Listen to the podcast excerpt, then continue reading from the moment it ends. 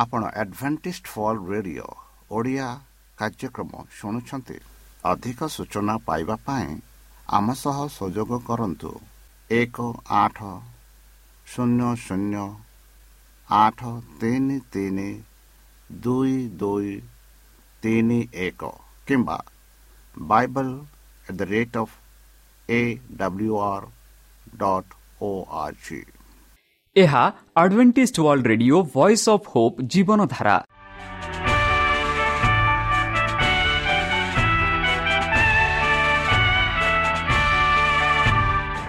Odia radio କାର୍ଯ୍ୟକ୍ରମ ଯାହା ଆମର ଆନ୍ତର୍ଜାତୀୟ ଆଘାତ କେନ୍ଦ୍ରରୁ ପ୍ରସାରଣ କରାଯାଉଛି ପ୍ରତିଦିନ ରାତି ନଅଟା ତିରିଶ ମିନିଟ୍ରେ। ମୁଁ ସୁବ୍ରତ କୁମାର ପତି ପ୍ରେମର ସହ ଆପଣମାନଙ୍କୁ ଏହି କାର୍ଯ୍ୟକ୍ରମକୁ ସ୍ୱାଗତ କରୁଅଛି। ଚାଲନ୍ତୁ ଆଜିର ତିରିଶ ମିନିଟ୍ର କାର୍ଯ୍ୟକ୍ରମ ବିଷୟରେ ଜାଣିନେବା। ପ୍ରଥମେ ରଖିଛୁ ଆଧ୍ୟାତ୍ମିକ ଭକ୍ତିମୟ ଗୀତ। ଏହାପରେ ଶୁଣିବା ସ୍ୱାସ୍ଥ୍ୟ ବିଷୟରେ ଭକ୍ତଙ୍କଠାରୁ ଜୀବନଦାୟକ ଈଶ୍ୱରଙ୍କ ବାକ୍ୟ। ପ୍ରିୟ ଶ୍ରୋତା ତାହେଲେ ଚାଲନ୍ତୁ ଶୁଣିବା ଏକ ଆଧ୍ୟାତ୍ମିକ ଭକ୍ତିମୟ ଗୀତ।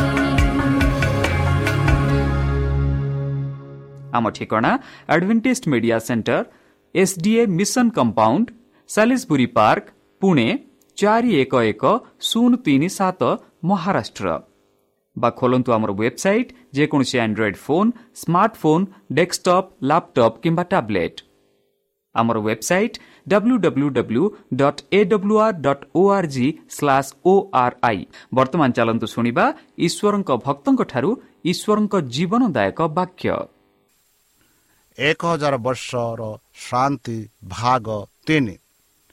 ନମସ୍କାର ପ୍ରିୟ ଶ୍ରୋତା।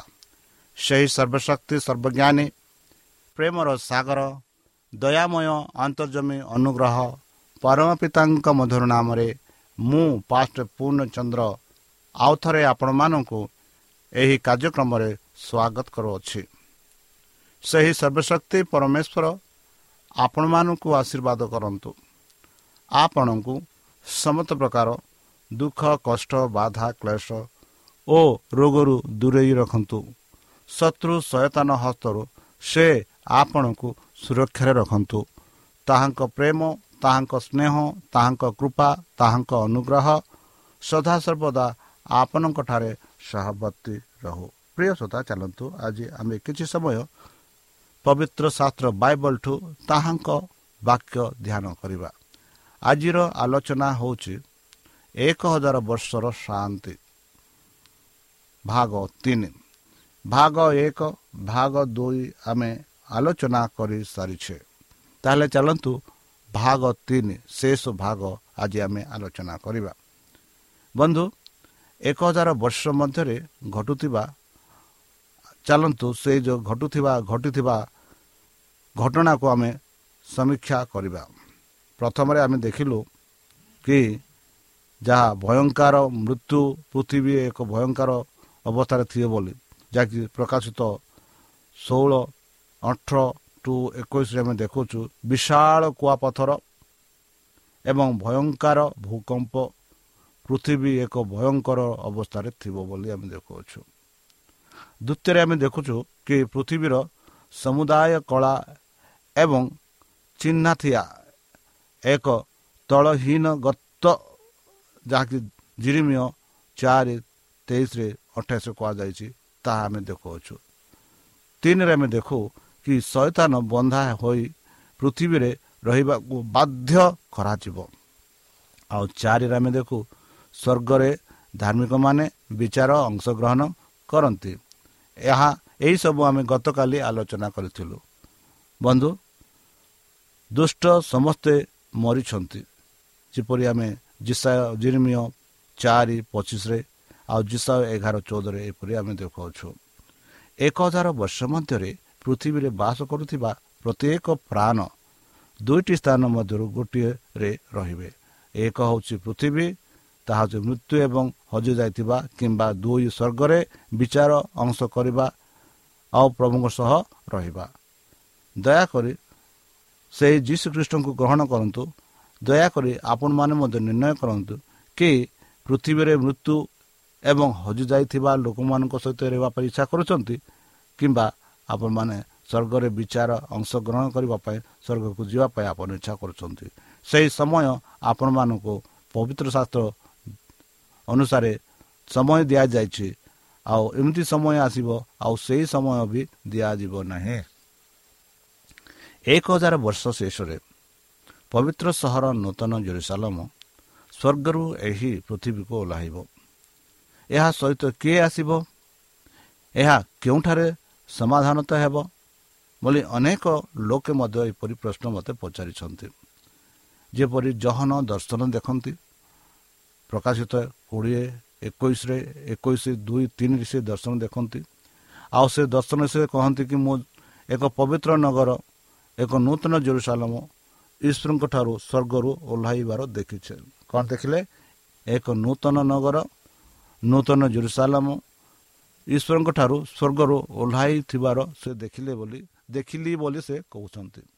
ତା ଛଡ଼ା ମୁଁ ସ୍ୱର୍ଗରୁ ଏକ ଉଚ୍ଚ ସ୍ୱର ଶୁଣିଲି ବୋଲି ସେ କହନ୍ତି। ସେ କହନ୍ତି ଦେଖ ଈଶ୍ୱରଙ୍କ ଦୂତ ଈଶ୍ୱରଙ୍କ ତମ୍ବୁ ମଣିଷମାନଙ୍କ ସହିତ ସହିତ ଅଛି। ଈଶ୍ୱର ତମ୍ବୁ ମାନ କ'ଣ? ତମ୍ବୁ ମାନେ ମନ୍ଦିର। ଈଶ୍ୱରଙ୍କ ମନ୍ଦିର ମଣିଷମାନଙ୍କ ସହିତ ଅଛି ବୋଲି ଏହିପରି ପ୍ରକାଶିତ ବାକ୍ୟ ତାର ଏକୋଇଶ ଦୁଇ ତିନିରେ ଆମେ ଦେଖୁଅଛୁ। ତା ବାଦେ ଆମେ ଦେଖୁ ଜିକିରିୟ ତାର ଚଉଦ ଏକ ଚାରି ପାଞ୍ଚ ଆଉ ଦଶରେ ଜିକିରିୟ ଭବିଷ୍ୟତ ଭକ୍ତ ଏହିପରି ସେ ଉଲ୍ଲେଖ କରନ୍ତି ଦେଖ ପ୍ରଭୁଙ୍କର ଦିନ ଆସୁଅଛି।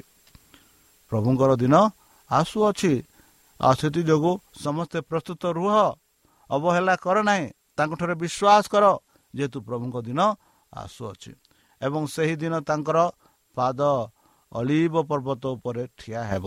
ତାଙ୍କ ପାଦ ସେଇ ଯେଉଁ ଅଲିବ ପର୍ବତ ଉପରେ ଠିଆ ହେବ ବୋଲି ଜିକିରିୟ ଭବିଷ୍ୟତ ବକ୍ତା କରୁଛନ୍ତି ଯାହା ପୂର୍ବରେ ଜୁରୁସାଲାମ ମୁହାଁ ଥାଏ ଏବଂ ଅଲିବ ପର୍ବତ ଦୁଇ ଭାଗରେ ବିଭକ୍ତ ହେବ।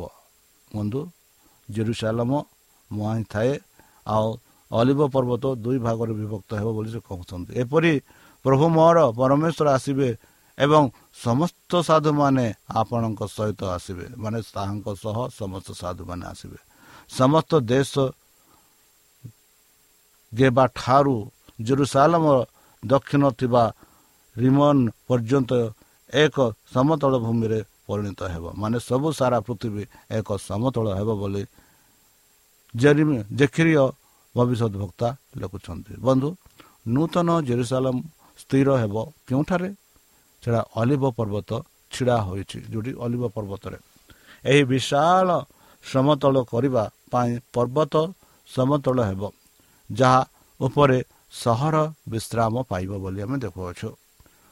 ସବୁ ବୟସର ସମସ୍ତ ଧାର୍ମିକ ଲୋକ ସ୍ୱର୍ଗଦୂତମାନେ ପିତା ପରମେଶ୍ୱର ପୁତ୍ର ଈଶ୍ୱର ଫେରିବେ। ଯୀଶୁଙ୍କ ସ୍ୱତନ୍ତ୍ର ଦ୍ୱିତୀୟ ଆସିବା ପାଇଁ ପବିତ୍ର ସହର ସଜିତ ପୃଥିବୀକୁ ଦ୍ୱିତୀୟ ଆସିବା ତାଙ୍କ ସାଧୁମାନଙ୍କ ପାଇଁ ହେବ। ଦ୍ୱିତୀୟଟି ତାଙ୍କ ସାଧୁମାନଙ୍କ ସହିତ ହେବେ ବୋଲି ଆମେ ଦେଖୁଅଛୁ। ଯୀଶୁଙ୍କ ତିନୋଟି ଆଗମନ। ପ୍ରଥମ ଆଗମନରେ ଏହି ସମୟରେ ଦୁଷ୍ଟ ମୃତ୍ୟୁମାନେ ସହିତ କ'ଣ ହେବ? ଏହା ସୈତାନ କିପରି ପ୍ରଭାବିତ ହେବେ? ବନ୍ଧୁ ଯୀଶୁଙ୍କର ତିନୋଟି ଆଗମନ। ପ୍ରଥମେ ବେଥଲମରେ ଏକ ଗୁଆଲ କୁଣ୍ଡରେ ସେ ଜନ୍ମ ହୋଇଥିଲେ। ଦ୍ୱିତୀୟରେ ଆମେ ଦେଖୁଅଛୁ ସେ ତାଙ୍କ ଲୋକମାନଙ୍କୁ ନେବା ପାଇଁ ଆସିବେ ଆଉ ଆସି ସେମାନଙ୍କୁ ନେବେ ଆଉ ଏକ ହଜାର ବର୍ଷ ସ୍ୱର୍ଗରେ ଥିବେ। ତୃତୀୟରେ ସେ ଆସିବେ ଏକ ହଜାର ବର୍ଷ ପରେ ଯେତେ ଦୁଷ୍ଟ ଲୋକମାନେ ଥିବେ ସେମାନଙ୍କୁ ଅଗ୍ନିରେ ଧ୍ୱଂସ କରିବେ ବୋଲି ଆମେ ଦେଖୁଅଛୁ। ତାହେଲେ ଏହି ସମୟରେ ଦୁଷ୍ଟ ମୃତ୍ୟୁମାନଙ୍କ ସହିତ କ'ଣ ହେବ? ଏହା ଶୈତାନକୁ କିପରି ପ୍ରଭାବିତ କରିବ?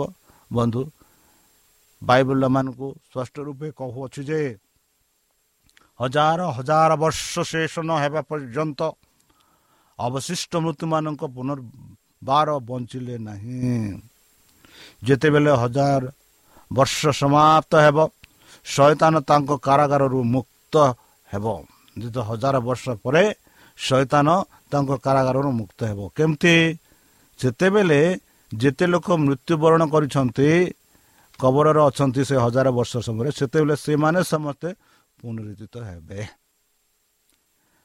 ଜାତିମାନଙ୍କୁ ପ୍ରତାରଣା କରିବାକୁ ବାହାରକୁ ଯିବ ବୋଲି ଆମେ ଦେଖୁଛୁ। ସେତେବେଳେ ଯେତେ ଲୋକ ମୃତ୍ୟୁବରଣ କରିଥିବେ ସେମାନଙ୍କ ସେମାନେ ଏକାଠି କରିବା ପାଇଁ କିଏ ବାହାରିବେ?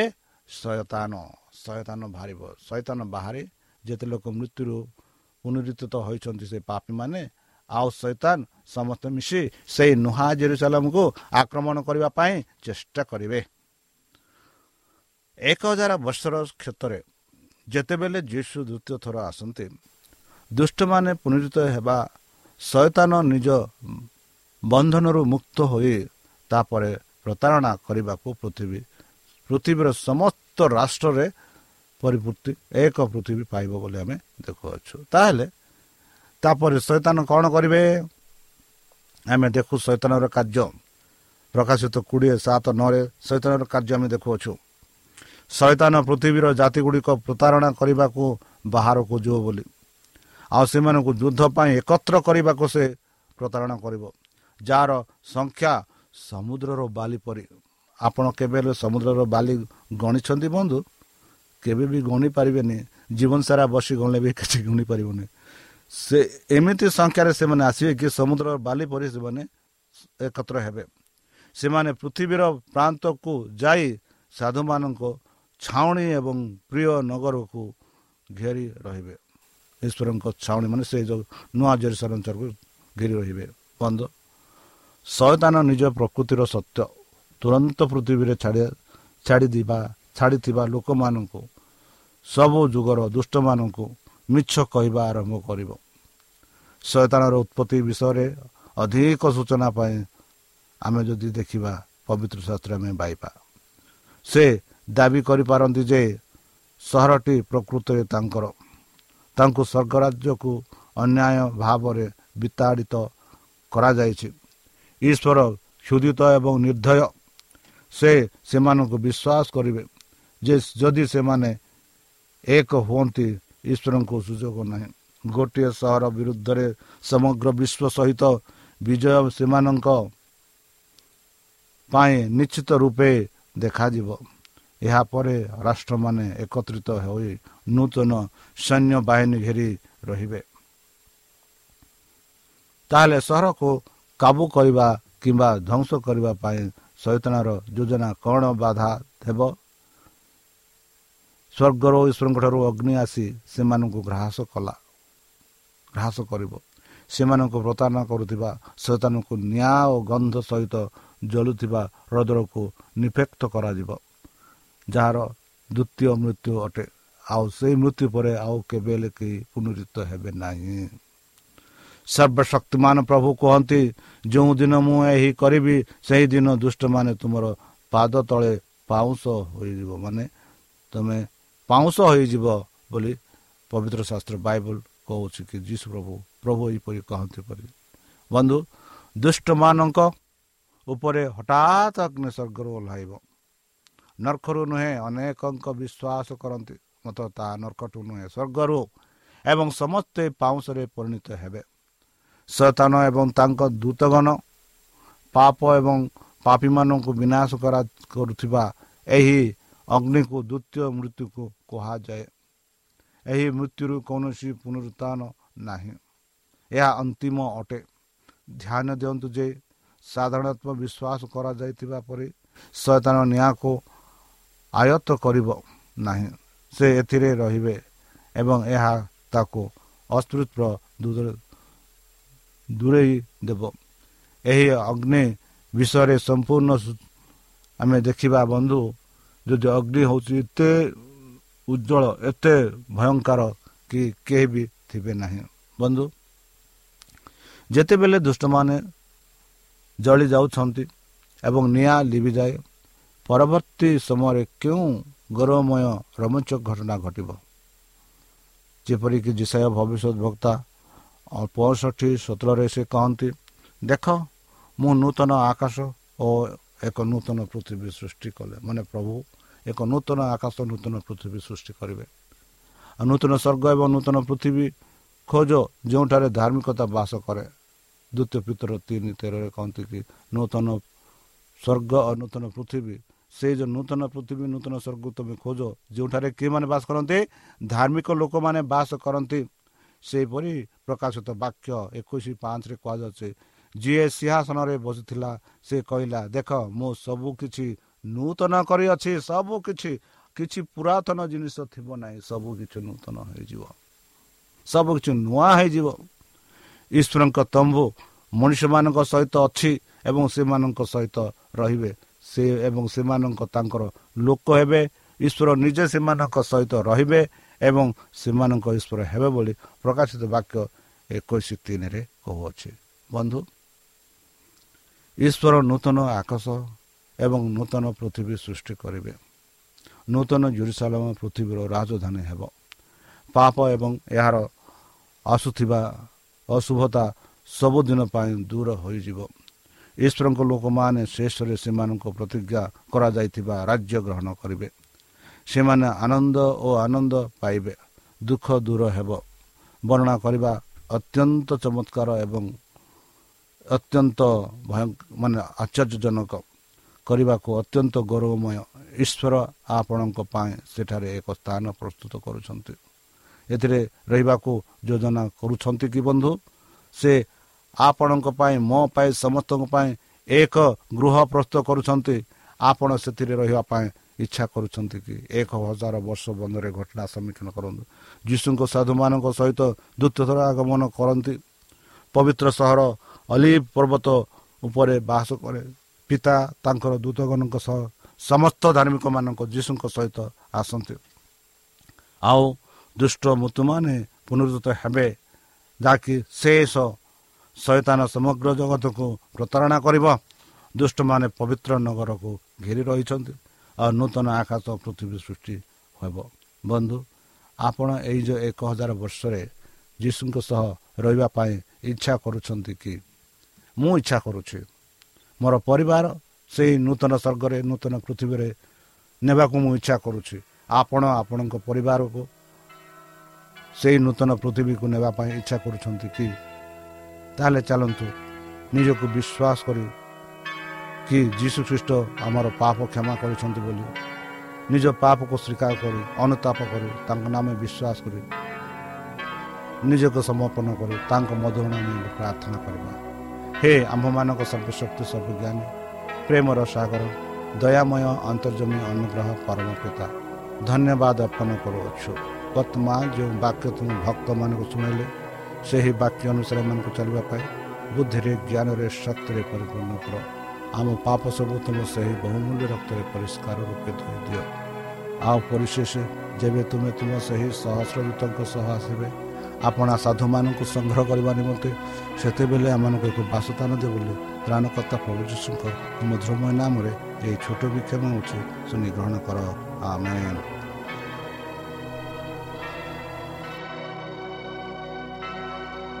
ପ୍ରିୟ ଶ୍ରୋତା ଆମେ ଆଶା କରୁଛୁ ଯେ ଆମର କାର୍ଯ୍ୟକ୍ରମ ଆପଣମାନଙ୍କୁ ପସନ୍ଦ ଲାଗୁଥିବ।